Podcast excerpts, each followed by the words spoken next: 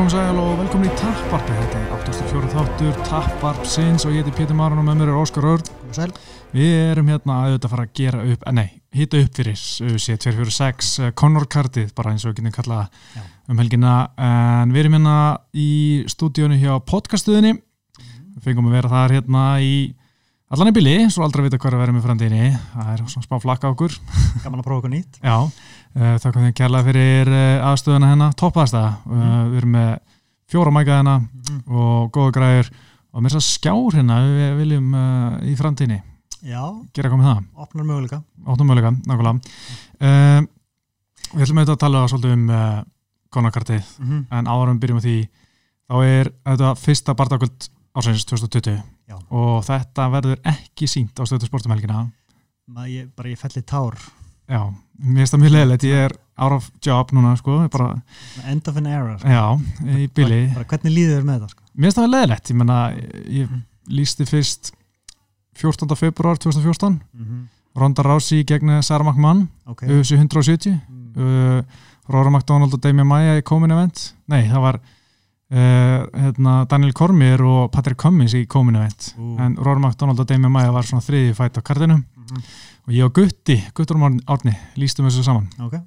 Já, það var mjög gaman sko og hérna, þetta var eina karta sem við lýstum saman eftir það uh, var ég eða, þeim fannst við vera of líkir sko ég og Gutti þannig að ég og Snorri Baron tókum eitthvað nokkur kvöld saman Mhm. síðan eitt en það hann komst ekki þá var ég bara einn og ég bara hef verið einn síðan nema Gunni, hann kom í vorum hérna þegar Conor var berst í Boston við Dennis Sýver hann í januar 2015 Já.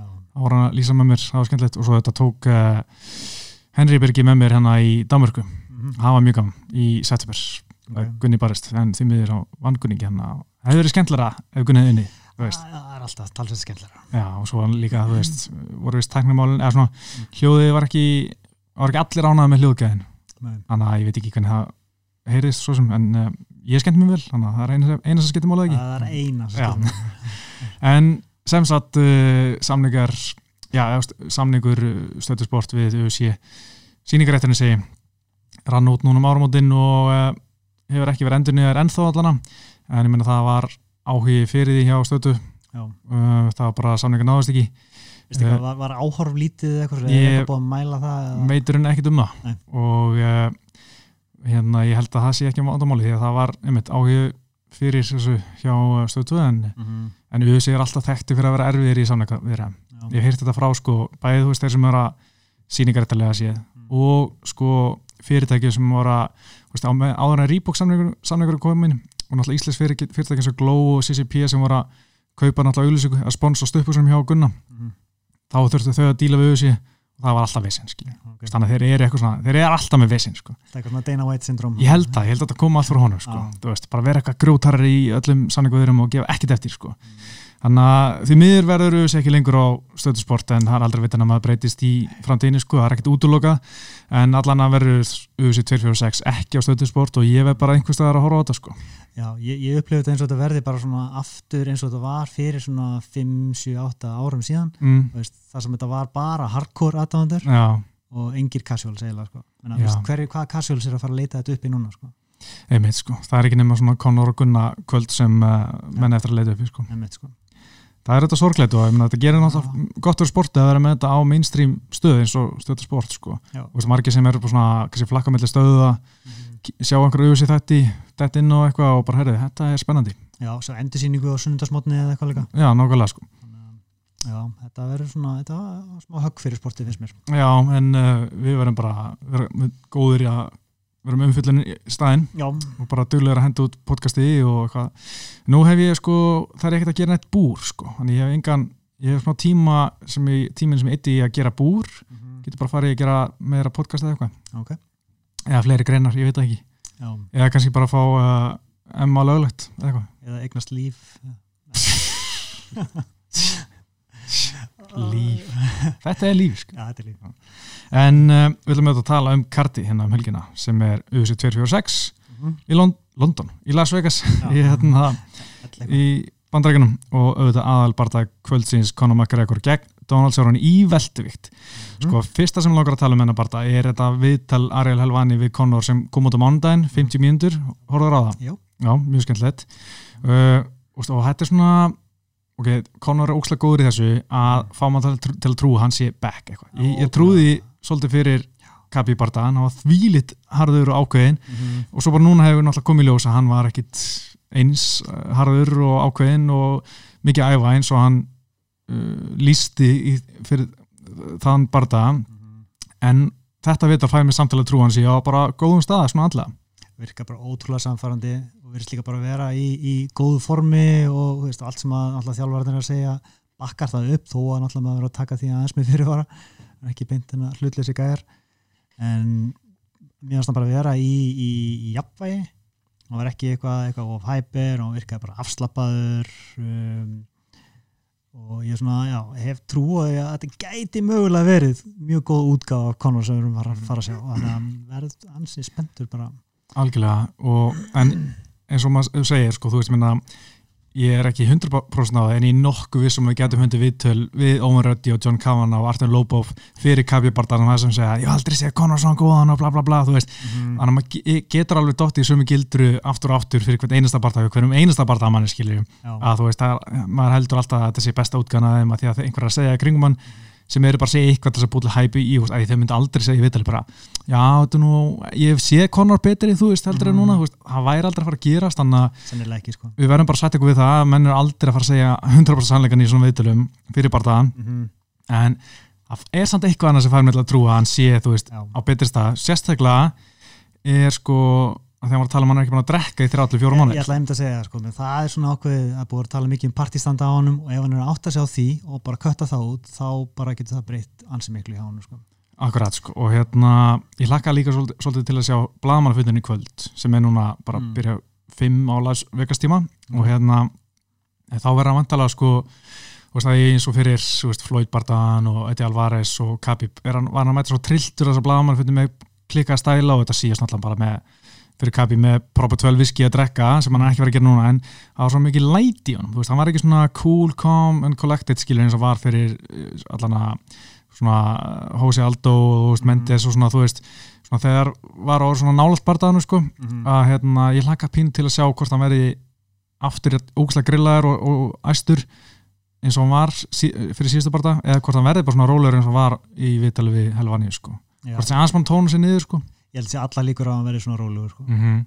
að Kóla Connor sé í rauninni farin í bili Já, hvað það er ah, hvað segi ég? Kóla konur, já, mjög gott allavega uh, já, mér finnst allan allt benda til þess og líka bara uh, já, ég held að, held að hann átti sig á því að fólk vilji sjá þá útgáfa á hann núna mm. og veist, að ég hugsa bara hva, hversu gaman verður ef að bara gamli Conor mæti núna og, Mm. og þú veist, Já, gerir maður spenntan og vinnur og íþróttin verður bara svo miklu skemmtilegar fyrir vikið sko. mm Það er eitt reynda með hann blaman að fundi kvöld sem ég hlaka pínu til að sjá er, þú veist, hvort að menn munu spurja hann út í þessar nöðkunar ásakanir því að Arel spurði hann út í það núna Mhm. og hann veist, svara alveg vel fyrir, því, fyrir það bara svona að það tekur tíma þú veist, uh, ég gerði þetta ekki og þú veist, neitaði alveg mm -hmm. en það er ekkert svo mikið sem menn geta sagt þú veist, að þetta er náttúrulega bara eitthvað máli rannsóng sem, er, sem hann kannski getur ekki tjá svo mikið um að þetta er lagfræðilegt dæmi og þú veist, og hvort það verði ekki bara svona verði bara ítiliðar með einni spurningu í kvöld eða hvort það komi spurning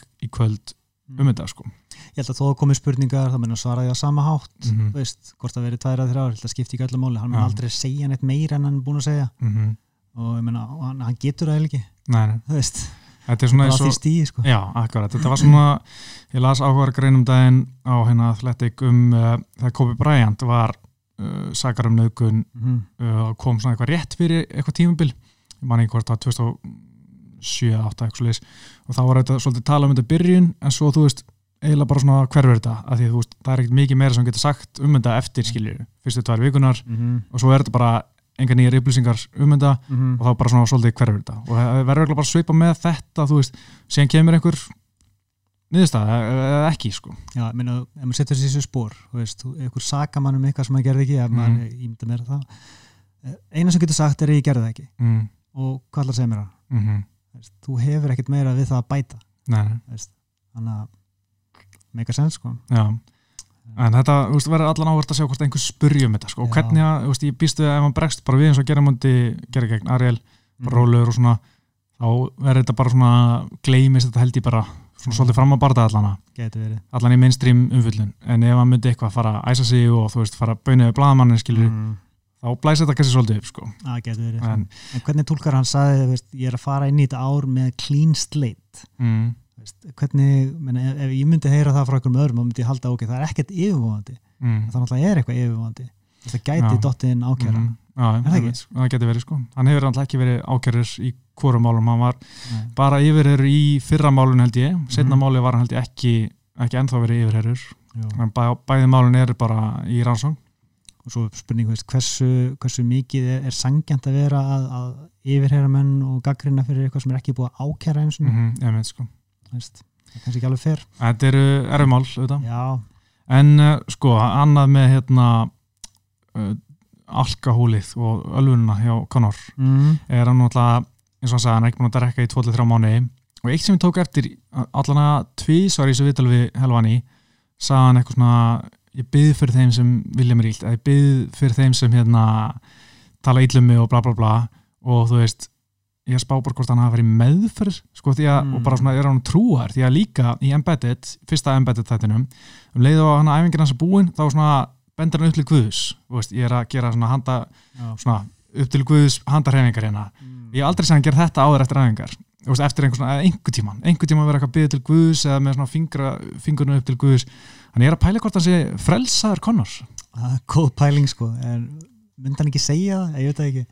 En hann er reynda búin að segja prey orðið og meina prey er náttúrulega bara bæn til einhvers konar guðs eða haldið þú getur ekki notað öðruvísi meit, sko. kannski er hann eitthvað svona pínu feiminu við að viðkynna já, sko. hann er svona skápa trúað meit, sko. Já, ég meina að það hjálpar hann, það var bara frábært sko. já, En hann viðkendi hann að drukkið bara í síðasta kempi. já, einmitt, sko, og ég meina það er alveg, sko, ég hef búin að heyra marga sögur um að hann, eins og hann var að tala um, sko, hann kannski tók eitthvað hart sparr Mm. og svo fagnaði því og hvarf í þrjá daga Okay. og það er bara nákvæmlega sem ég hef búin að heyra nema hann var ekkit bara að jamma eða strekka í hann var hérna þrjá daga. En Mhm. hérna, það kannski skilur ekki máli en hann var, þú veist, var ekki að æfa á krafti, skilja, hann var bara að hverfa og enginn vissi hvað hann var í nokkra daga. Mm. svo kom hann aftur og æfa, þú veist, og það var vesen, sko, þú veist. En núna er hann allan að tala um það og viðkynna það. Já, en ég vona bara að hann sé þá þú veist, kannski er hann bara búin að fara í meðferð og búin að láta hvítadutti í friði í einhverja mánuði og hérna Mhm. en ég meina og bara sleppa, náttúrulega setja flöskunu hillinu og allt það, Mhm. en svo segir hann hann ætla að fá sér nokkra nokkra sopa proper 12 eftir barðan Mhm.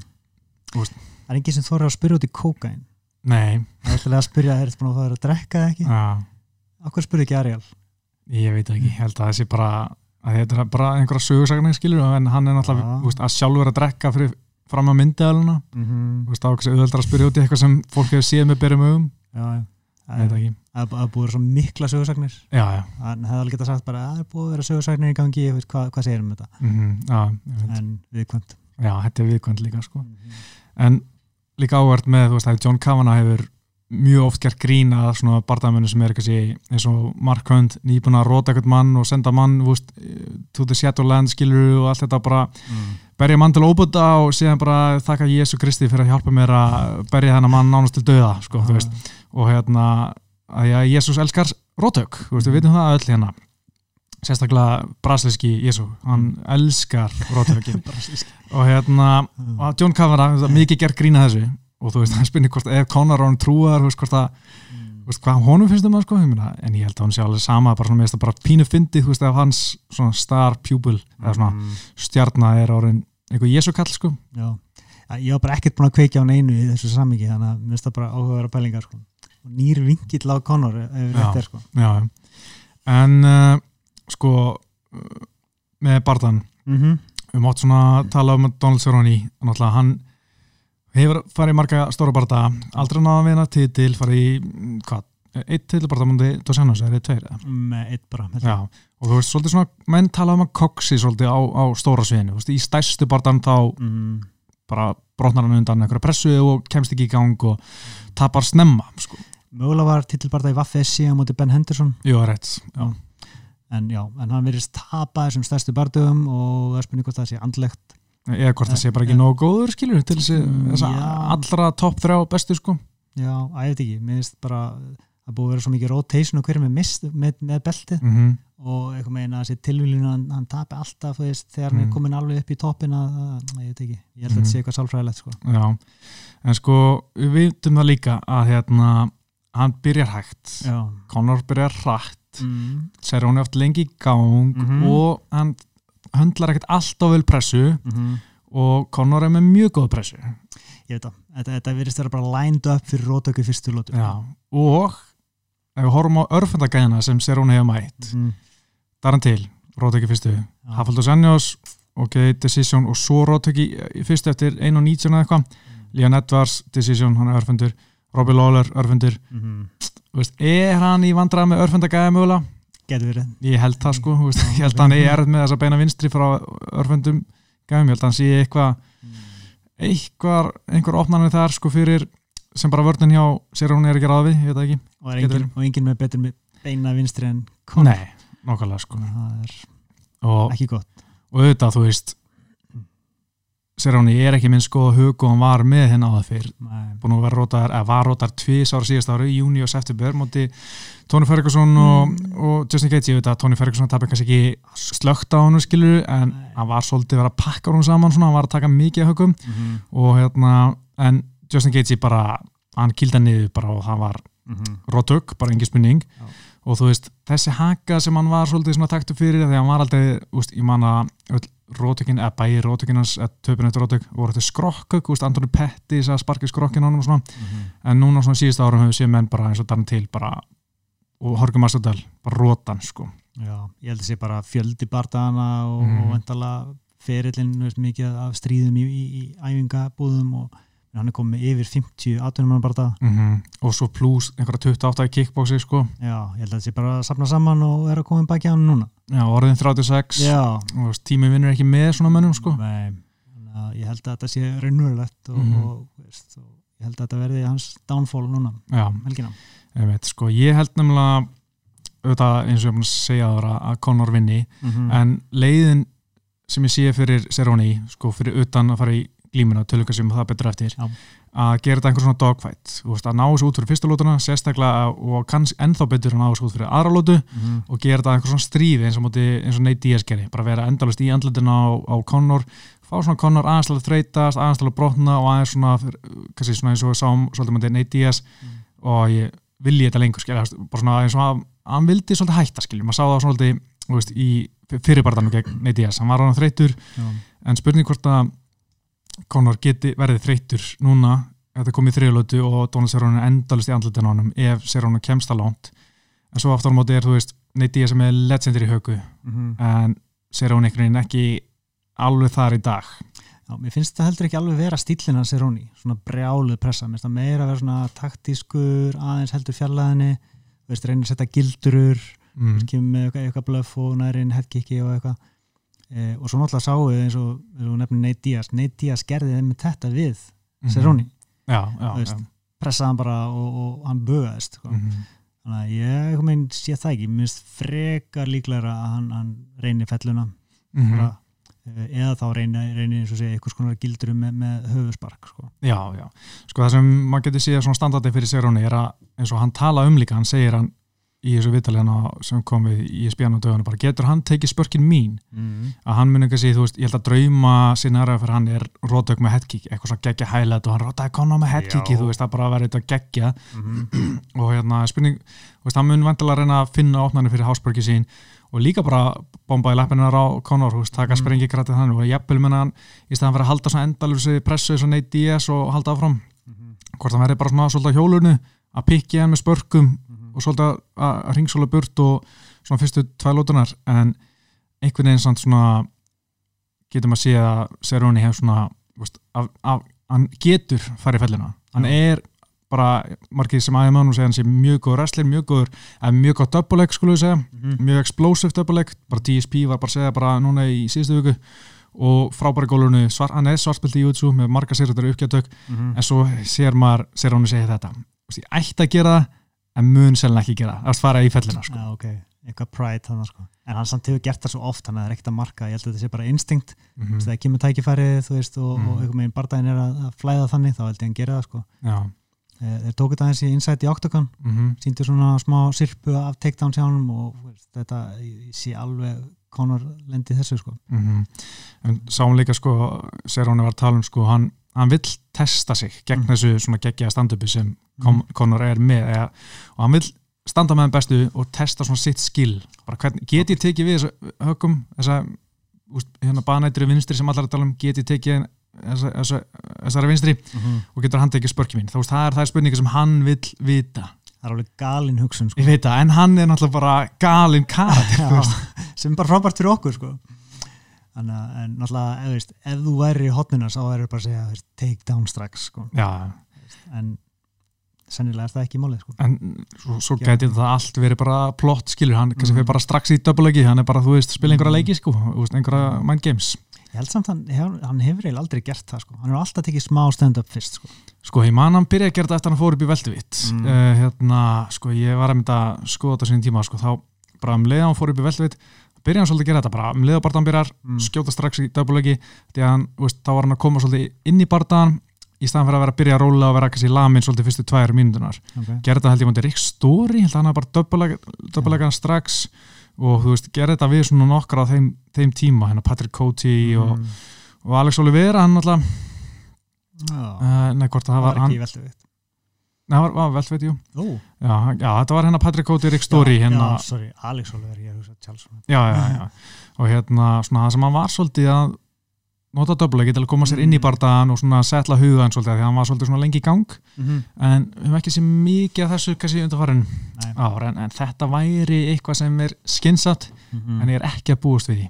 Nei, þetta er svona X-faktor í þessum barða og en samt, er góður á gólfinu og menn segja að hann sé betri en, en flestir halda mm þannig að það er eitthvað sem að við höfum bara séð og lítið af, við höfum séð hann sleppa vel á móti eins og Chad Mendes, hvernig hann Já. sér að koma út úr þar og uh, sweepa Nate Diaz og eitthvað svoleið sko, en, Mhm. en, en aldrei neitt eitthvað í langan tíma sko. og, og náttúrulega þegar Nate Diaz í setni barðanum og Khabib þú veist, ná hann niður, veist, þá er hann, svolítið þreytur og þessi ekki alveg að marka Já, Khabib líka tekur alla niður hann. Já, fyrir utan það sko, en veist, hann, hann, hann var geðið góður að verjast fellunni í fyrstu lótu mm. á móti Khabib Já, hann tekið niður hann að reyndir nýje Já, svo var hann bara fastur upp í búrið hann að sitjandi, þú veist, og meðan Khabib hjælt honum að gera ekki neitt, þannig að Nei. þetta var svona 0-0 svolítið svona, eða þú veist, mm 0 er út en það væri mjög áverð að sjá sko, sko ég er náttúrulega bara að setja fyrir mér hann að hérna veist, ef Conor er 70% af þeim barðamanni sem var 2016 þegar vann Eddie Alvarez, -hmm. þá er þetta bara róttök í fyrsta lótu ég held að þetta veri róttök eftir svona fjóra myndur og 20 sekundur Hann á alltaf að vinna hann að barða og, og ef hann vinnur hann ekki og lítur bara illa út þá, þá, veist, þá erum við bara aldrei að fara að sjá hann aftur eins og Mhm. hann var sko. að en mér finnst bara yfirgnefandi líkur að, hann vinni og þá nokkuð samfærandi sko. já það, Ég er eiginlega sammála því sko en, en hérna tölum að hvað sigur fyrir Conor við vitum svona okkur veginn hvað það gerir. Hann getur verið Masvidal, hann getur verið Justin Gaethje en auðvitað er að reyna að setja upp hann Kabi bara aftur. Mm -hmm. hvað gerist fyrir Cerrone ef hann vinnur? Ég meina hann, mm úst, Deina er búin að segja að hann vill sjá Conor á móti Kabi hann vinnur sem engin vill sjá nema Deina og Conor þetta en minna Cerrone er ekki fara að fá Kabi hann vinnur Conor Nei, ég held að Seroni sé ekki einu svona að fara að fá Masvidal sko. Nei, Þú veist, en, en Seroni fær einhvern ágætan barða, ég held að hann haldi bara áfram sinni för, sko, ég Mhm. einhvern veginn sé ekki endilega fyrir mér að hann einhvern veginn verði eitthvað supertjarnar núna, en hver veit, sko, maður nú sé annað eins gerast, sko. já ég held að það sem stærsta svona geinið fyrir Cerrone Mm. að vinna hann bara er bara svona fræð sko Já, en, þú veist, sérðu fyrir þér eitthvað, eitthvað, þú veist, eitthvað rísabarda næst, þú veist, ég, Nei, þú veist, er það, sko. nema að vera eitthvað sem Nate Diaz eða eitthvað þannig svona Já, það var reyndar sko. rematch, Mhm. það var reyndar cool, sko. Já, það væri flott eitthvað þannig en, en ég held að hann sé bara ekki að fara til bara hann bara tapa fyrir náttúrulega tveimur best, næst bestu veist, Tony Ferguson og Mhm. Justin Gaethje bara síðast ári þannig að ég held að það sé engi sem er eitthvað og búist að hann fá til bara og ekki eins og hann sjálfur Nei, en hérna en, að væri þetta, en með tapi þú veist, þá er uh, Cerrone búin að tapa þreymur í röð hann heldur bara áfram. Já, það er bara svona sama, sama Já, gamla sko. ég, meina, ég held að hann þurfa að tapa svona fimm í röð áður en verið kvöttaðar sko. já, já, ég held að bara ég held að hann verði aldrei köttar, ég held að verði bara svona tjökli del bara er í gamli, Mm, þú þurfi bara að setjast niður og hérna Mhm. að hann er svona, ég held að hann sé þannig status í auðvitað, eða deina allavega núna sko en, Mhm. en ef þetta verður eitthvað svona BJ Penn sorglega sko, þú veist, Christ maður. það gæti alltaf gerst sko Já, maður veit ekki, sko, hann er alltaf snar ruglegar svolítið, sko Já, ég meina að segja að hann, hann sé rótar í fyrstu lótu fimm sinnum í röð eða eitthvað, mm, Já, hvað ætlar að gera þá? mm. En svo líka, sko, ef maður hugsa út í hvað gerist hjá hann vinnur Nei, ef hann tapar, það hefur þá er þetta svona, Já, úff, það það er vera mjög slæmt, sko fyrir, náttúrulega, fyrsta lega lengi frá mhm, ekki bara berðast mikið og tapa núna. Þannig sé tveimur röð móti Floyd og, og hérna Khabib. Mist valla hægt að taka þetta flóitæmi í þetta sko, samt, þú veist, um að hugsa út frá hvað almúðun er hugsa um já, veist, kannski hann- tapaði ykkur í, tennis síðustu helgi, það er enginn að tala um það sko nei, ég er að samt, meina sko, þú veist ég meina hans sem, þú veist, einhver stjarnar skilur Já, að hérna, fólk er bara að hugsa bara, þú veist, er, er, þessi Conor, hann gerir ekkert nema að tapa, hann Já. tapaði hann að vera Floyd og sem rússa og svo aftur núna, þú veist, hann er bara búinn var ekki unnið síðan 2017 eða eitthvað, eða- 16. eða- 16, Já. 16. Amen, Já. ok, það er svolítið langt síðan Einmitt. og þú veist, ég held að það mun hafa svolítið áhrif á, þú veist, hans svona stjörnu potensiál, Já. sko og allt þetta sem hann er með í Proper 12 og, og hérna Á- Ágúst með Gregor og línun og allt þetta, sko, þú veist, ég Mm. minna auðvitað verður hann alltaf ákveðin stjarna og verður alltaf attraction þegar hann berst en þú veist, hæpið mun vera mun minna fyrir næsta part ef hann tapar auðvitað, Já, þetta er mikið högg sko en, Mhm. en hann gæti unnið sig aftur upp sko já, já, veist, já. hann, hann, en ef þú vinnur ekki Seróni þú veist, sem er Já. bara, svona, þetta er bara fullkomi stíl fyrir hann, ég striking bardagi, mm. Hverja er hann fara að vinna sem er top 10 þá ætti hann er inn að segja þetta gott sko Já, þú veist, hann á nú pening mm -hmm. hann hefur ekkert að gera nema hann finnst þetta gaman sko. Á hverju er hann að íkja tekjurnar svona mikið? ég veit ekki, en ég meina kannski er hann að telja allt með, þú veist, hann er að tala um Ah. Proper 12, hann er að tala um hérna, þú veist, fatalínu sinna og veit ekki, Reebok og þú veist, Mm. allt þetta pay-per-view bónusinu þetta, Já, þú veist, ég held að hann sé að fara að fá svona uppgefið eitthvað, ég veit ekki, segjum bara 5 miljónir dollara, mm en mér veist svolítið, og ég var að tala um hann fengi hann fengi hvað, 20 miljónir fyrir Eddie Alvarez spartan ok. Og svo segir hann sjálfu 50 fyrir Khabib sko, mm og svo 80 núna. Veist, Hvernig er þetta stærri barða en Kabi? Ég ég veit ekki sko. þetta, já, þetta meikar ekki alveg Nei, og svo náttúrulega er þetta fyrsta sinn sem Conor berst á sko ESPN Plus Mm. í pay-per-view eftir að ESPN Plus svona kom inn að því að náttúrulega núna til að pay- pay-per-view bandrækjunum eða kaupa það, er að vera á, áskrenda af ESPN Plus mm sem kostar einhverja 80 dólar árið, ég veit ekki hvað það er og þú veist, það er svona margir sem er pínu hikandi við það oft, Já, það er smá hindrun sko. já, og þú veist, þess vegna hefur pay-per-view verið aðeins minna mm -hmm. uh, segja þér að eftir að þessi ESPN Plus áskrift kom inn Já, að að hún stoppa svolítið marga en hann að vera mjög áhvert að sjá hvort að ná bara yfir miljón peibriús sko. já spenntur að heyra tölunar sko. Uh, allavega að Deina sagði viðtalni bara núna um daginn að, þetta líti út eins og venjulega eins og hann orðaða þannig að það ætti að þýða yfir miljón já, það mynd sko. Það er aldrei að vita hvernig ekki lígur Deina veit sko. nei, ekki líkur það heldur betur ekki. En uh, sko eitt sem mér varst áhvert í hérna, og pínu verið að tala um hérna í embedded þáttunum er að Seróni virka bara svona eins og að segja haldra svolítið, tókst þetta í? ég tók eftir Já, bara what the fuck, hann var lappið með eitthvað, eitthvað mól eða mm götunar í Las Vegas eða eitthvað. Já, og hann var spurður út í þetta í Hann- og kom já. ekki með samfærandi svar. Oh my god. Það var eitthvað, ég man ekki hvernig þetta var bara svona, hann var, já, ég sparka eitthvað villast í púðan og þetta er bara ekkert, en þú veist, þú sparka villast í púðan og svona, fyrst mér ekki eins og veist, mér finnst þetta vera svona eitthvað eins og veist, veist, hann bara haldraði properly, sko, oh, þetta verður ykkur afsökun eftir barðan já, en þú veist, Cerrone er að fara að lappa inn í þetta búr ef hann mögulega getur veist, Já, já, það er já. ekkert að fara að stoppa nema Nei, nei, læknirinn sko. já, já, sko en pæltið það verið sjokk Já. bara svona, allir búin að kaupa peiperju svo bara klukka svona, eftir fyrsta fætin bara, heyrðu, hérna, sér hún í middur ekki, var ekki cleared by doctors aðalbartæði kvöldsins er Holly Holm og Raquel Pennington ég, þá myndi ég bara fara að sofa, sko, ángrís já, sko. ég myndi ekki vaka til því uh, Sko Já, þín bara svona official spá já, ég segi, rótum ekki fyrstu ég held ég verið að gera það. Mm, og ég bara að vona að Conor sé í formi. Mm þannig að ef þetta dregst eitthvað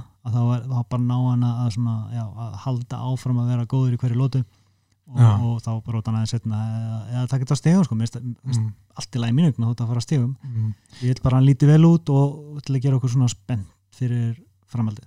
Og er best case scenario róttök í fjórulótu sína geti farið lengra eða, eða bara í fyrsta lótu eða? Neða, fyrstu annari, kannski bara ótrúlega flott framist að Mm. og kannski róta, róta ekki annari það væri glæslegt, allir myndi fá smá sjó Mhm. og svo kemur eitthvað geggjað eitthvað viðtal og, og mögulega nefna Mr. Masvidal. Já, það væri ekki sleðilegt sko. Nei, ég mynd sko, það var alveg spennandi sko. Mm, Uh, ég segi, segi rótök í fyrsta lótu, mm. eitthvað seint í fyrsta lótu, eftir svona fjóra myndir eða eitthvað. Mm -hmm, og hérna, en- svo getur þetta já, kannski eins og bó- móti Eddie, hann róta hann í annar lótu mm -hmm, þannig að sjáum bara sjáum hvernig þetta spilast, en, en ég held að þetta verði fyrsta lóta hjá Conor. Mm það er sem alltaf þessi möguleiki mm. að, að besta útgáfan að Siróni er að fara að mæta þarna og, og Já. bara veist, eiginlega buffan sko. Mm. það gæti gæst, Já, já mér finnst það óslega ólíklegt Mhm. en bara við höfum stundum séð Siróni líta fáránlega vel út sko. Og það er ekkert allt og langt síðan sko. þannig að það er það sem gerir þetta svolítið spennandi sko. Mhm. Já, ég er bara, sko, þó að þessi McGregor hafi látið oft bjánulega og Mhm. undanfarnum árum og svona fær mann til að halda minni með honum, þú veist, hann Já. kýli gamla kalla á einhver bar og svona, en þá er alltaf gaman að sjá hann berjast, þú veist, að gleymi stundu hvað hann er ógæslega góðu fætir, þú veist, það er langt síðan um síðan bara, ég menna Seróni var 2000, nei, hérna Alvarez Spartan 2016 mm það var styrlu framist sko, bara eins og besta sem ég sé bara þú veist, bara í sögu efer sko, Mhm. og hérna og ef hann er eitthvað í líkingu við þann fætir sem hann var þá þá held ég að við sjáum bara gegja, performasjón Já, að fólk sé mitt mjög fljótt að gleyma mm veist. en það komin hvað þrjú ár síðan sko. já, já, einmitt sko. Og hann alltaf kannski ekki búin að lifa eins og prestur sko, Nei. Það lítur að taka sinn toll á uh, íþróttamannin sko. Já, maður hefði aldrei það. Já, en hann er samt ennþá ungur, 31 Já. Um, það er ungt myndi ég segja. Já. fyrir allan að með mig það er tíu ára munur. Já, já, en uh, restina kartinu UFC 246, ég verð að segja, þetta er bara ekkert spes minnkart þetta er eiginlega bara, þetta er eitt vesta pay-per-view main card sem ég eða bara, sem ef myndi þetta út, þá var þetta bara lélegt fight night. Þú bara getur ekki fundið annan main event, ok, Pettis er alveg nafn sko, mm -hmm. en hann er ekki eins og hann er sko, hann er, hann er opna kvöldið þarna mm -hmm. og anstæðingurinn er góður en Mhm. ekki þekktur. Mm -hmm. Og það er bara engin annar hann sko. sko. Nema fyrir bara hardcore sem að finnst áhugavert að sjá svona eitthvað að gauður eins og hana, Júsef já, mér finnst sko prílis mun meira spennandi heldur en á minnkartinu, það er kannski fyrir nánar það eftir en, Mm -hmm. en fyrsti, næst síðustu barðaðinu á kvöldinu er þetta Holly Holm gegn uh, Raquel Pennington sem ég skil ekki okkur í að því fyrsti fættin var hundleðilegur Já. Eða, ok, ekki hundlegur, hann var leiðilegur, óspennandi. Mhm. þessi verður það sannlega líka því að Holly Holm, ef hann er ekki headkick rót ekki, það er hann ekkert spes og Raquel Pennington er aldrei verið merkileg barndakon, þetta er bara svona gritti hörð stelpa sem er ekki með neitt talent. Þetta er bara svona hard work, Mhm. dæmi gerð stelpa sem er ekkert spes, fætir Nei, og Holly Holm er svona nógu góð til að halda sér frá henni og koma Mm. með eitthvað eitt og eitt svona inni og Pennington er nógu veist, góð til að þrauka þrjálótur og koma með svona eitthvað ókna hér og þar. Já, svo, svo, svo verður þetta annars split decision þetta verður svona veist, þrálótur af hiss, hiss! Frá Holly Holm og þú veist, hún eitthvað svona komið með spörk rétt fyrir hún nýð í magan á Pennington, Pennington heldur áfram að svona króna af og boksa mm og einmitt eitthvað split decision þú veist, þú veist sko, Pennington er með svo augljóslega miklu minna skill. Það er bara hæfileika heldur en Holly Holm -hmm. en hún getur samt alveg þetta bara því að vera með meiri pressu, meiri voljum Mhm. og náða að vinna þetta á stíðum þannig það er geðvögt þetta er bara eitthvað rótök óvænt sko. einmitt. Get alltaf gest sko. geti gerst en ég, sko ef Pennington rótar Holly Holm á skal í hundur heita Ég- breyti nattunum minni í hundur Maran og Jóns það er það ólíklegt að ég bara það er ekki- bara enga trú á að Rakel Pennington róti Holly Já, þú veist, við erum með því á upptöku sko. sko ég er að minna sko ég er ekki að minna tíkja á gólurinu dómar stáparta og Holly Holm stendur upp ég er að minna svona proper KO ok, ok, nú er ég fann að vona þetta sko. en Já. ég, ég á meira að hugsa ef Holly Holm er að sparka já, það var gaman og ná nokkur svona Mm. svoleiðis. en Holly er búin að vinna tvo á síðustu sjö barðum sínum Mhm, já. það er svolítið svona Þetta er bara daburt saman hvernig þú lítur að það sko. Já, en sko, sko Rakel Pennington, hún vann alltaf í renni Aldana síðast og það er aður tapan fyrir Jermaine Di- Randami og þar Mhm. leit hún svo ítlu út, hún alltaf náði ekki vikt Mhm. og bara, og bara mjög léleg Já. og með umulega ráð frá hotnarni sinni, það var bara svona, þú ert með þetta, þú ert með þetta og hún var alls ekki með þetta og Hugis var líka bara með smá bumbu, veist, bara, hún bara Já. leit út til að vera Chubby, ekki búin að æfa, hún var kannski mjög meðisli skilur komin eins og það er típist sko. Mhm. en ég veit, hún náði ekki vikt, það lítur að vera eitthvað að þá sko. Og líka koma tilbaka eftir tilluborta og svona vant ekki sem motivation. Já. en að koma sér aðeins til, uh, aftur á strik gegn Aldana sem var svo sem bara svona dæmi gerð Pennington Sigur, úst, því á þetta svona ég held að Aldana var að, vinna, var að fara að vinna. Mhm. en einhvern veginn vann eh, Pennington. Og ekkert sem hún gerir er eitthvað flott eða svona spektakular þetta er bara svona, já, ok, flott. Samtalið verið gefinni props veist, Aldana er góð já, auðvitað, sko, en þetta er bara svo óspennandi, ég skilja veit að það kveikir ekki í manni sko. svo, já, hvað var næst þannig það var ekki ykkur, ykkur glataður þungavættabardagi Herre, neini, þetta er okkar maður Alexi Oleinik og Morris Green, sko. Maurice Green Sko- sem, var- sem var eins og fáið í Ultimate Fighter. Jaha, hann já, hann var alltaf, alltaf reykja. Já, ok. Fyrir utan það bara, eða, veist, er ekki eins og að tala um það sko, með að haga sér eins og fáið já, já. sko hann er að vera þetta er, hann er þrý reitni í UFC og sá maður síðast í óttubur við rótaðana Sergei Pavlovic já, Sergei finnst mér ekki ekki sko, en uh, Mm. ekki mikil sko með því. Ég held að hann sé að fara langt hann Sergei, eða svona kannski top 10, top 15 en Alex Oleinik, náttúrulega 42 ára gammal rússin, með 71 partæði MMA ok, og hann er legend. 45 sigur eftir submission. Og ég sverða sko hann er að fara að taka Ezekiel Choke ég, ég er svo vonað hann er að fara að droppa niður Já. eftir svona tvær myndur og hann með Ezekiel Choke þetta er nú eitt skemmtilegasta submissioni sem maður sér sko. já, þetta er svo, Þetta á ekki virka. Nei, það er svo lúmst og menn með trúið ekki að sé að fara að virka og svo bara, hvað er, ah, what the fuck? Einmitt, þú veist, maður er séðan á móti hérna, hvað, Vi- Viktor Pesta hann var undir í mount mm, og tók þetta. Hann var undir í mount bara í einn næst vestu stöðu sem hann getur komist í og eftir að vera með, einhver með bakið á þér. Mm, og hann tók submission það sem er bara, veist, það er mesta no-no sem að gera bara, undir í mount, bara Mhm. fyrst sem þú læri bara bíu 101 ekki reyna niður sub, submission hana, bara reynda að sleppa og halda þér, Já. á lífi. Hann- já, hann bara tekur submission í síkiltjók þar sem virkar ekki vel í Noki. Það virkar bara, veist, virkar langt best í galla, og sérstaklega og ef þú ert ofan á, getur þú beitt meiri pressu. En hann undir í mount ekki með neitt galla til að grípi Mhm. og næri þessu. Það bara- er fáralegt sko og þetta, þetta er ótrúlega maður sko þetta, en, en fínu, fínu einhæfur og allt það sko, mm, en ég held að hann sé sko með einhver ég held að sé svona 13 eða 14 sigrar í MMA eftir í síkildjók þetta er bara rugl sko. þetta, þetta er fáralegt og ég held að sé að fara að taka þetta núna á, Já. á Morskrini er sjálf með einhverja fjóra styrir eftir uppgjöttök en, en þetta er svona típist þunga sko. Já, það er ekki þetta er bara, mér finnst það mjög óspennandi bara en ég er samt alveg gaman að, að, að, á Linnik Já, ég líka, Nei, veist, þetta er óspennandi ég er rétt, en ég hef alltaf lúmskaman á ólinning, sko, þú veist. Alltaf hérna svona sloppy, þú veist, eftir fyrsta lótu Mm. alltaf hérna svona þreytur, svona mjög fljótt að vera þreytur og svona, stundum horfið á hann bara svona, eftir hvað ertu svona þreytur, mm Mhm. hvað var það sem er svona erfitt hérna, en, en svo einhvern veginn næra hann einhverju í síkiltjóki hérna, mm. ég, ég er smá gafna þeim Heldur staðsendingin þetta er á mainkartin á pay-per-view. Veist, ef þetta væri að einhvers þar á miðjuprílims eða eitthvað, bara frábært. Já, það er rétt hér, góð punktur. Uh, Svo er hann að uh, Claudia Gadella og Alexa Grasso.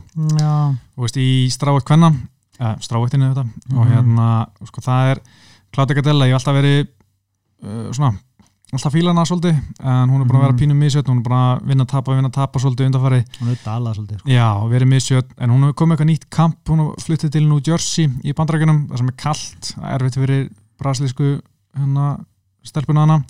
Já. en, en hún er samt ekkert gömul hún er bara 31 gæti alveg snúið blaðinu við en mér finnst eins og hann þurfi svona að þróast meira sem bara martial artist að hún er yfirleitt að gera sama og reynir bara að og og hún er alltaf mjög góð í gólunu en við höfum ekkert séð mikið á því og sérstaklega ekki þegar hún er að tapa. Og svo virkar hún bara alltaf þreytt og eins og Já. gasi alltaf, veist, kannski er hún að kötta mikið, það er oft verið að tala um það hún er alltaf pínu verið erfitt með köttið hann á sín tíma. Hún var svolítið að tala um, hún vildi fá flugveitinni í þessi, svo þegar flugveitinni komin þá var hún bara áfram í strávættinni sem er pínu skríti Mhm. en þú veist, hún uh, einhvern veginn, er of einhæf og er að gasa og tapar alltaf þriðlótunni, sko, sem er dýrt og líka svona byrjar að fjara svolítið út í annar lótu og þú veist, mér veist hún tapa á móti stelpi sem hún á að vinna, svo Nína Ansaroff þú veist, það er bara þetta á ekki að gerast, sko Nei, það, það var svona svolítið wake up call bara byrju, ok, hvað er þetta stödd núna því mm Mhm. maður, hugsa alltaf um hana sem að eina af allra bestu þarna alltaf bara móti Jóhanni Jens Ejek og, Mhm. mm. veist, og hún gæti orðið framtíða mistari en, en núna bara, ok, hún er bara orðin einhver svona journeyman sko.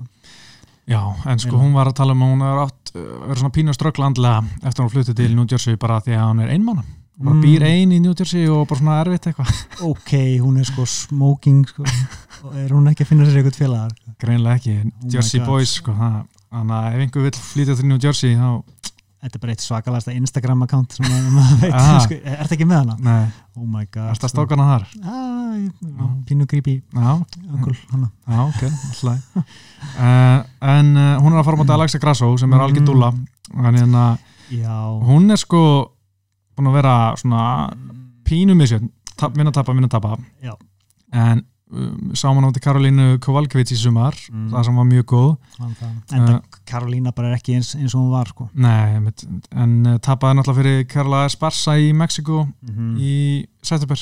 Já, og var svona og næstu búin að ná einhverju, hvað var það, Kimura Arbar að bækni í þriðlótu og svona höndin á Karla var eitthvað sem ég fokki eftir það.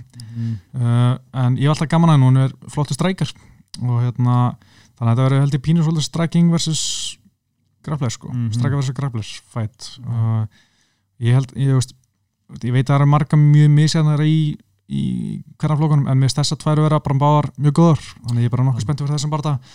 Þetta er betra heldur en margt eins og Besko Hea eða eitthvað þannig. Eða. Rakel Pennington eða eitthvað, já, þú stillir upp þannig þá er þú klálega betra sko, en já þetta er ekki alveg samt nóg fyrir mig þetta verður flottur svona síðasti prílims já, já, Já. Þá, þetta hefur verið þar sko. en ég, sko já, við erum náttúrulega ekki bara að henda neina spá, sko ég ætla bara að tippa Pennington vinni Holly Holm eftir dómarakonum já, ég eiginlega er sammála því sko. ég held að hún sé tætt tæknilega betri ætti að geta bara uh, hann megin Já. með að halda sér frá henni og... Pennington, nei, Holm, ég er að taka Pennington. Ó, sorry, Já. ég er að taka Holm ok, já, Já. Eh, ég veist Holm svona að vera, já, hún ætti að geta að dansa í kringum hana og, hún ætti að gera það. Ætti að gera það. ég held að hún gera ekki. Nei, ok. Uh, og Leinek, submission í fyrsta lótu það er í Sigiltjók mér langar eiginlega bara að gera líka sko. Ég, veist, og að því mér finnst grín líka svo glataðar sko. já, já, mér líka. Uh, ekki það að ég muni mikið eftir hann bara, Mm. ég bara trúi þér. Mm uh, Gadella og Grasso, veist, mér finnst þetta mjög er eitt tip, sko, ég er alltaf, Já. er pínu veiku fyrir Gadella, langar alltaf svona að sjá hann að sjá hann vegna vel. -hmm. en mér finnst Grasso ég ætla bara að tippa Grasso eftir dómarókuna því að mér finnst Gadella svo misjöld Ok, þetta er svolítið 50-50 í mínum huga. Uh, ég held að ég held að taka Kloti, ég held að hún taki bara wrestlingi á þetta og hún sé svona smá rejuvenated en, en, Mhm. en ég, ég er, alltaf, er alltaf mjög skeptískur út í svona töfralausnir sem eiga bjarga öllu, skipt, skipt um kamp og, og þá bara er allt orðið já, já, en ég væri spenntari ef hún væri farin upp í flugveitt það er Mm, svona já. ný byrjun fyrir hana sko. en það var að fyrsti barðan á mainkardir sem er þetta Antoni Pettis Pettis gegn Carlos Diego Ferreira og Já. ára fyrir að tala um barðan lókum að tala um hana, þetta viðtal sem Pettis veit á mánudar sem var að tala um hann skar sér þumalinn fyrir Nate Diaz barðan og fekk eitthvað skurð og segir að það hefði trublað sig rosalega mikið hann hafi barast eins og áhugaðmaður að því að hann skar sig á þumlunum hversu mikið hefur það áhrif á parta árið með skurð á þumlu sko ég held að þetta hafi aðalega haft áhrif á hérna uppbytuna, þú veist, kemst ekki alveg ganga því hún er ekki að gera nefa, hún er ekki að grípa en ég verð samt að segja, þú veist þegar Petti segir eitthvað svona, þá er ég alltaf bara svona æ, come on, sko, ég meina, Mm. það getur vel verið? Það er alltaf eitthvað hjá Pettis, það Já. er alltaf eitthvað, ó, höndin brotin. Mm svo ég man, hvort það mátti, Tón Ferguson eitthvað öðru bara það sem hann segir eftir aðralótu, ó, ég held að höndinu á mér þessi brotin, Doug Mm. Stoppa barðan kemur í ljós þetta barðan, höndin var ekki brotin Ah. þetta er alltaf eitthvað svona er alltaf eitthvað hjá Pettis veist, alltaf eitthvað svona smá drama veist, Pettis að segja að Doug Rufus var grátbyða með hann berjast ekki Mm. veist, að því hann er bara með skurð á þumlunum sko, veist.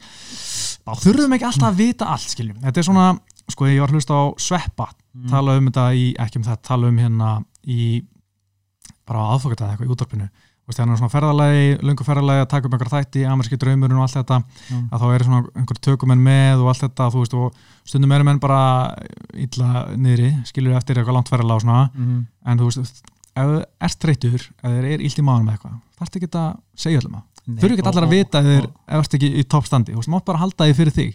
Og þetta er eitt af því sem ég hefist að Pettis að hafa. Ef þú skarst á þumlunum haldi því bara fyrir því, alveg, þetta lítur ekki vel út fyrir því og það er eitthvað að bögga alla. Já, ég held að það sé bara 100% sko. mhm, Ég held að margir sem tala um það menn, menn eru aldrei 100% þegar lappin í búrið og nei bara ekki væla yfir, yfir hverju smátrið sko. Sko, það, það er svolítið þannig sko. við viljum ekki þurfum ekki alltaf að vera með allar upplýsingar á hreinu af hverju þú tapar þessu barnda og auk þess held ég að þú veist, hann barist ekkert illa í þessu barnda bara neitt í þess bara með endalasa pressu sem Pettis var ekki með neins sur við sko. Og veist og bátt á puttanum finnst mér svona svolítið langt gengi sko. Já. brotin hendi, ok já, en skurð og sá, þumli sára putta já, og mér finnst það líka Pettis vera bara pínu, barnalegur í sko, hann er farið í málu í USADA mm. út af þessu og fr- flösku framleiðan og öfusí fara að sækja, lögsækja þess allega okay. en mér finnst hann pínu barnalegur í að segja bara, já, jú, þetta var bara að gera þetta eftir barðan bara testa með eftir barðan, þú veist það er bara ekki nóg, Mm. þú veist, þú verður ég meina hvað þú steinrótast eða, þú veist, eða þarf það að fara strax upp á spítala hvenær átt að pissa Einmitt. og það er líka, þú veist, menn eru líka stundum teknir í uh, leifupróf eftir barða þetta er bara svona, gerist bara randomlí þetta Mhm. og hérna, og það er stundum mjög erfitt að pissa bara eftir barða og er búin að svitna mikið vant ekki svo Ja. vöku, tekur smá tíma fyrir að geta pissa og svo eru líka menn kannski búin að vera að alls konar skrokkug og kannski pissa smá blóði og, og alls konar, ég meina þú veist, Pettis á bara aðeins að vita betur sko.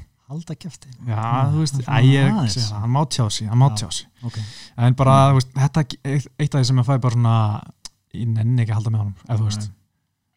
En hann er núna að fara á móti Karol Stíka fyrir mm. Ferreira sem er með fimm sigra í röð sem er svona, kemur svolítið óvart svona, það er ekkert margir að pæla í honum. Nei og ég man bara kannski fyrir svona þreymur ára með eitthvað, mér fannst hann ekkert merkilegur. Til dæmis hann bara stuði Dustin Poirier uh, Dustin tók hann nokkuð öðla og veist, maður hafði aldrei neitt mikla, mikið álita á fyrir en svo bara byrja hann að vinna og vinna og vinna og núna síðustu tveir bardagar tók hann tvo mjög góða rúsa mm -hmm. uh, Kabilov og Taisumov Taisumov Mhm. sem áttum að vera bara næsta big thing sko.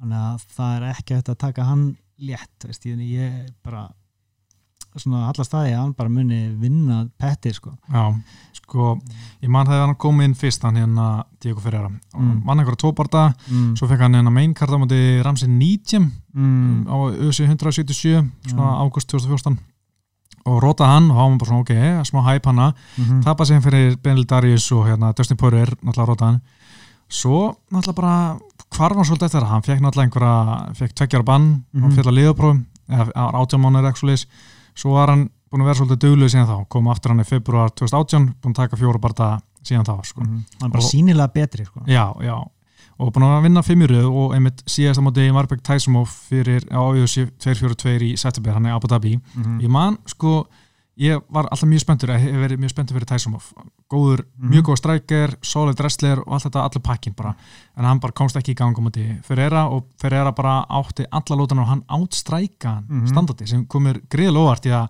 Tysumov var mjög hættilegur og mér finnst bara Ferreira oft verið bara svona frekar slappu standardi mm. en hann var bara flottu gegn uh, Tysumov standardi og það komur mjög óvart já, þetta gæti orðið svona einhver breakout stund fyrir hann sko.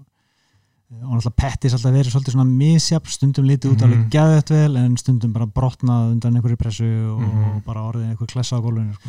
Já, við höfum oft, það er mjög erfitt að giska á hvernig Pettis mæti Já. til leiks við höfum náttúrulega, ok, hann er búin að pínu erfitt síðast náttúrulega Nate Diaz, mm. svo hérna uh, Tony Ferguson, þú veist, þetta er svona náttúrulega mjög erfið gæjar já, já. og Dustin Poirier sem er að vinna sko en svo náttúrulega Rótan Stephen Thompson Mhm. en hann var að tapa fram á því en, en að ég held að það hef verið svona, ég bjóst ekki við því Nei. því að ég held að Chiesa myndi bara svolítið svona pressa hann og Mm. gera hann lífi létt, leitt og, og- já, en það náttúrulega kláraði Pettis í bara annar lótu með submission Mhm. og hérna gerði það bara mjög vel og ég er svona veltið fyrir mig hvort að þetta sé svipa þú veist, að maður kannski er pínu askra Pettis en gleymir hann getur ennþá unni svona gæja sem er kannski alveg topp 5 bestu Mhm. ég er svona er pínu hallast að ég bara Pettis takir þetta kannski ekki klára hann ekki en, en svona outpointa hann kannski og vinni eftir tæpan 15 mínuna barða ok, ég, ég tek Ferreira Mm. mm. á stegum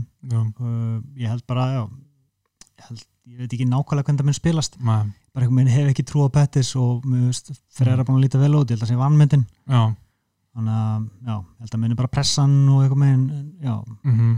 ná honum. Já, sko fyrir að ég get alveg séðan fyrir mér vinna sko. Og bara vinna á stígum en uh, einhvern veginn bara Pettis einhvern veginn svo erfitt að giska hvernig hann kemur til leiks. Ég get alveg séðan fyrir mér uh, tapastíðum, get alveg séðan fyrir mér vinnastíðum og, og sjá fyrir mér Ferreira sko, hann er með svona ljótt stræking svolítið, mhm, en það var að virka gegn mjög hættulegum strækja síðast gegn uh, Tæsumuf, þannig að kannski gera hann að bara svipa gegn góðum strækjar Pettis.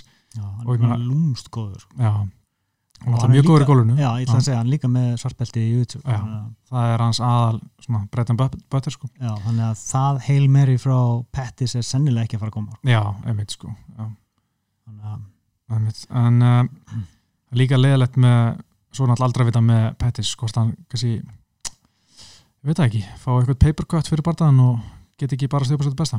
Mm, já, ah, það bara getur verið getur vel verið. Er klippa neglundan kannski fyrir fyrir aðeins og já. það það var bara búið. Já, það það er erfitt sko. þetta er erfitt líf. Herri, förum aðeins yfir uh, prílims já, uh, náttúrulega síðasti prílis er Roxanne Motaferri gegn Macy Barber. Já. Ég er spenntur, ég er ekki spenntur en Ok. ég mist Barber vera alveg ágætlega spennandi er bara- og hún er að fá mjög gott test mm Mhm. uh, Roxanne er, er svona solid veteran og Mhm. þú veist, hún þú veist, hún sennilega aldrei fara að vera mistari en Roxanne Roxanne já, já, já. en hún er svona, hún er fullkominn samt anstæðingu fyrir svona up and coming Mm stelpur einmitt. þannig að þetta, jú, ég er kannski spenntur að sjá hvernig Macy stendur sig sko, en, en þessi barndæg er ekkert mikið að kveiki mér sko, en veist, þetta verður alveg, alveg áhugavert sko. Já, sko ég verð að segja að uh, Roxanne Motaferri er sennilega lélæsti íþróttamæður sem ég sé yfir sig bara ég er bara að segja eins og er. Hún er svo ótrúlega astanlega og og hreyfir svo, kl svo klunarlega svona nördaleg ógeðslega nördaleg og bara ekkert talent, bara eins lítið talent og getur fengið.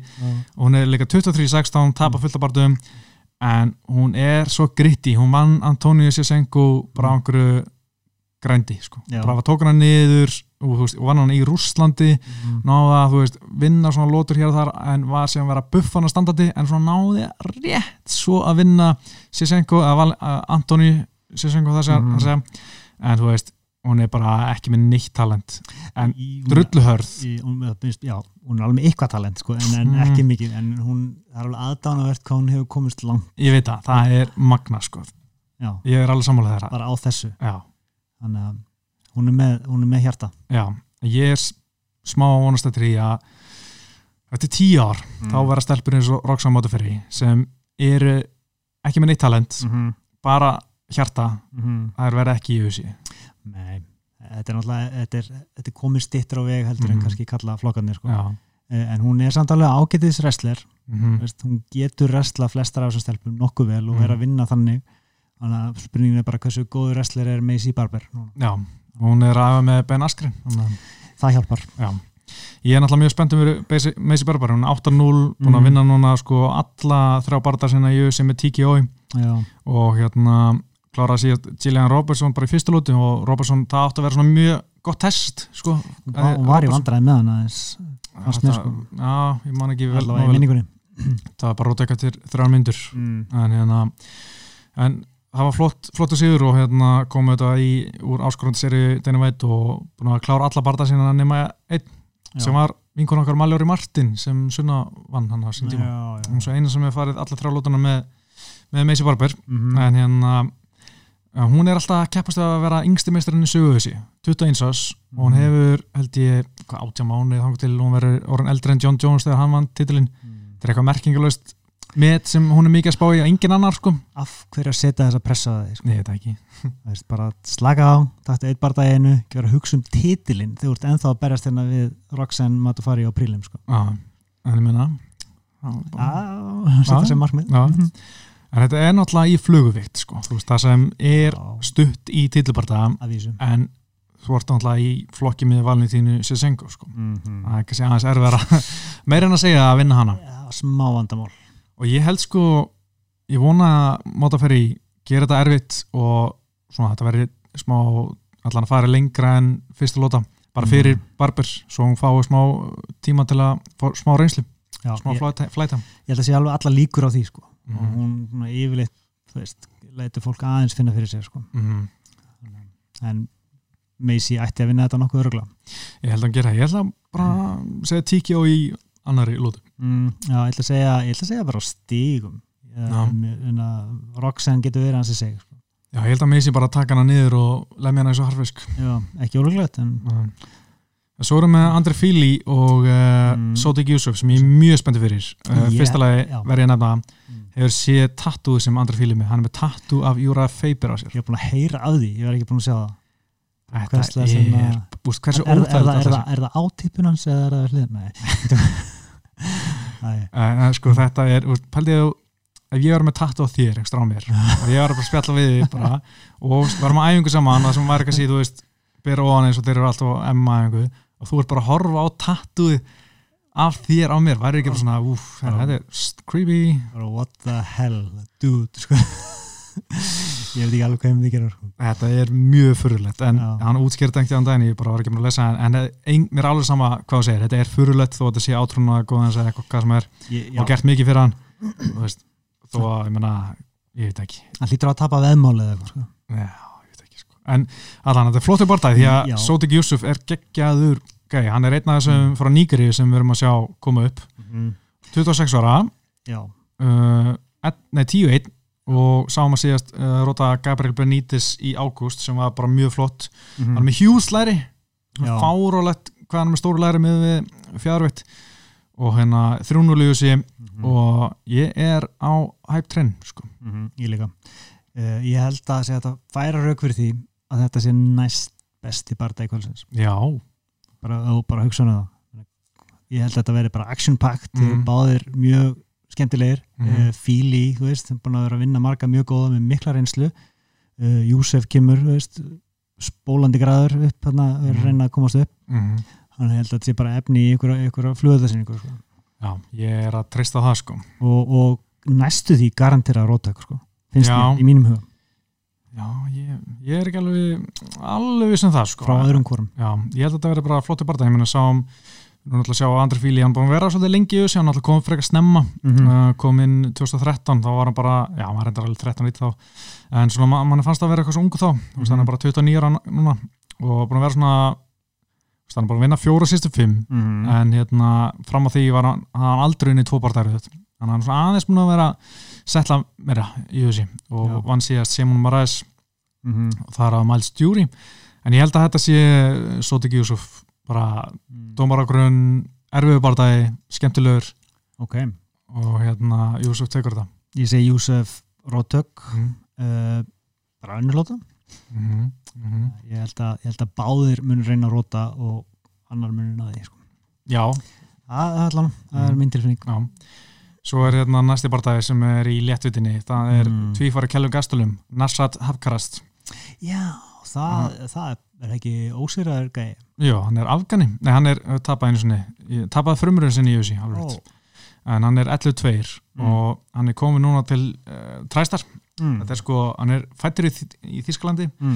en fóreldrar hans eru frá Afganistan Ok. og sem varu flottumenn og hérna búin að vera bara mjög flottur Mhm. -hmm. undarfæri, sá mann alltaf róta Jókim Silva í ágúst þannig að Covington Lawler kartinum Mhm. uh, bara í fyrstu lúti, annar lúti og hérna búin að vera mjög góður, búin að vinna náttúrulega mann hann að Mark Kísi Mm. uh, í ára 2018 og svona típut gáti sem er náttúrulega spes en hérna hans eina tap í þessi náttúrulega mann til Marcin Held eða svona Marcin Held var svona glímugur. Já, og náði svona rétt svo vinnan einhvern veginn. Ég alveg skemmtileg bara það en ég- þetta er gæði sem uh, ég er mjög spenntið fyrir og er bara svona mm. pínhæp á baku hann í Mhm. Og ég held að hann geti gert góðleiti sérstaklega með Fíras með sér sko Já. og ég er bara mjög spenntur að sjá hvað hann gerir þessi prílims er eiginlega bara frábæri sko. Já, hann betri en meinkarti sko þetta er bara fánulegt sko.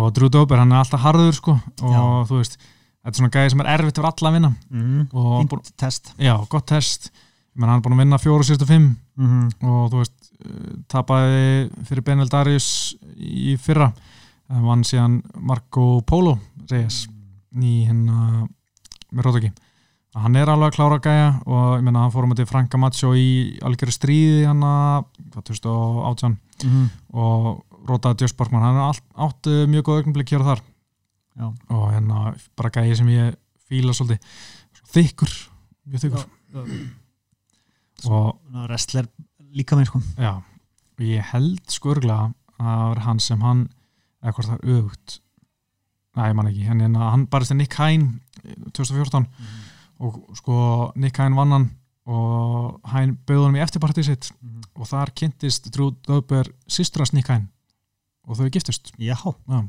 Ok. fa- fallegt.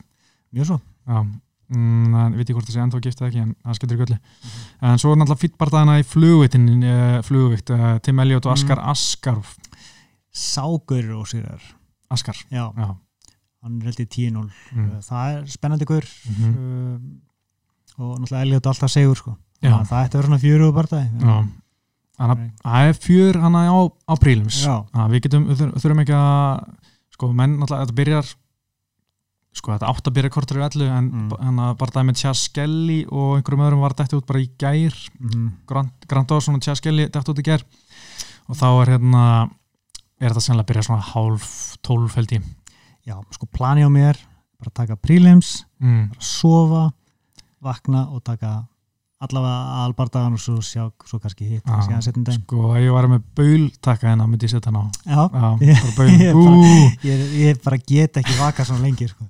sko ég er að fara að horfa á þetta bara að ég núna, náttúrulega enginn að fara að borga mig fyrir að lýsa þessu. Nei, þannig að ég er bara að fara að horfa á þetta einhvers þar ég er örgulega að horfa á þetta bara á drukkstofunni mjöli Já, ok. Og þetta verður sýnt þar. Mm. og meinkartið að byrja þrjú þannig að þetta verður löng nótt maður verður bara með nokku allana og ekki att, ekki samstarf. Og hérna kannski eitthvað gott mönns, eitthvað snakk og svona til að halda sér vakati Já, því það er aðeins erfur að halda sér vakati sko, ef þú þarft ekki að vera að gera þetta með hann sko, mm, eins og vera þú veist að tala. Ég, já, ég þekki það, það maður þar stundum að standa upp og, og jafnvel fara út á svalir eða eitthvað að hressa sig við og mann má ekki líða of vel í sófanum helst að vera svona að sitja á smá úþægilegum stól allan tíman Mhm. ég held að það sé, að sé máli sko en mitt vandamál er að ég get ekki sofið út af því að krakkanir sko. já, já, að- en já, já. þannig að, þannig að þá, þá myndi ég ná svona fimm tím mestalegi sko. Ekki, það enga sens sko. Nei, nákvæmlega sko. En herri, Já. við erum búin að fara nokkuð vel yfir þetta mm -hmm. og ætlum að slúta þessu Alright. og við erum bara hæstánæðar hérna í, með aðstöðuna í hjá podcast stöðinni og mælum að tjekka þeim það er fullt af podcastum hérna, það eru tíu jarðanir NFL podcast uh, Mótorsvarpið Endalínan sem er Körbólta podcast og auðvitað tíu í útvingun sem er hlaðvarpið um fæðingarsögur það er margir strákar sem vilja hlusta það en hérna, svo er Epic það er held ég svona bíómynda og þáttapodcast. En uh, já, ég heiti Pétur. Óskar. Uh, við bara þökkum áhrðana í byli og verið sæl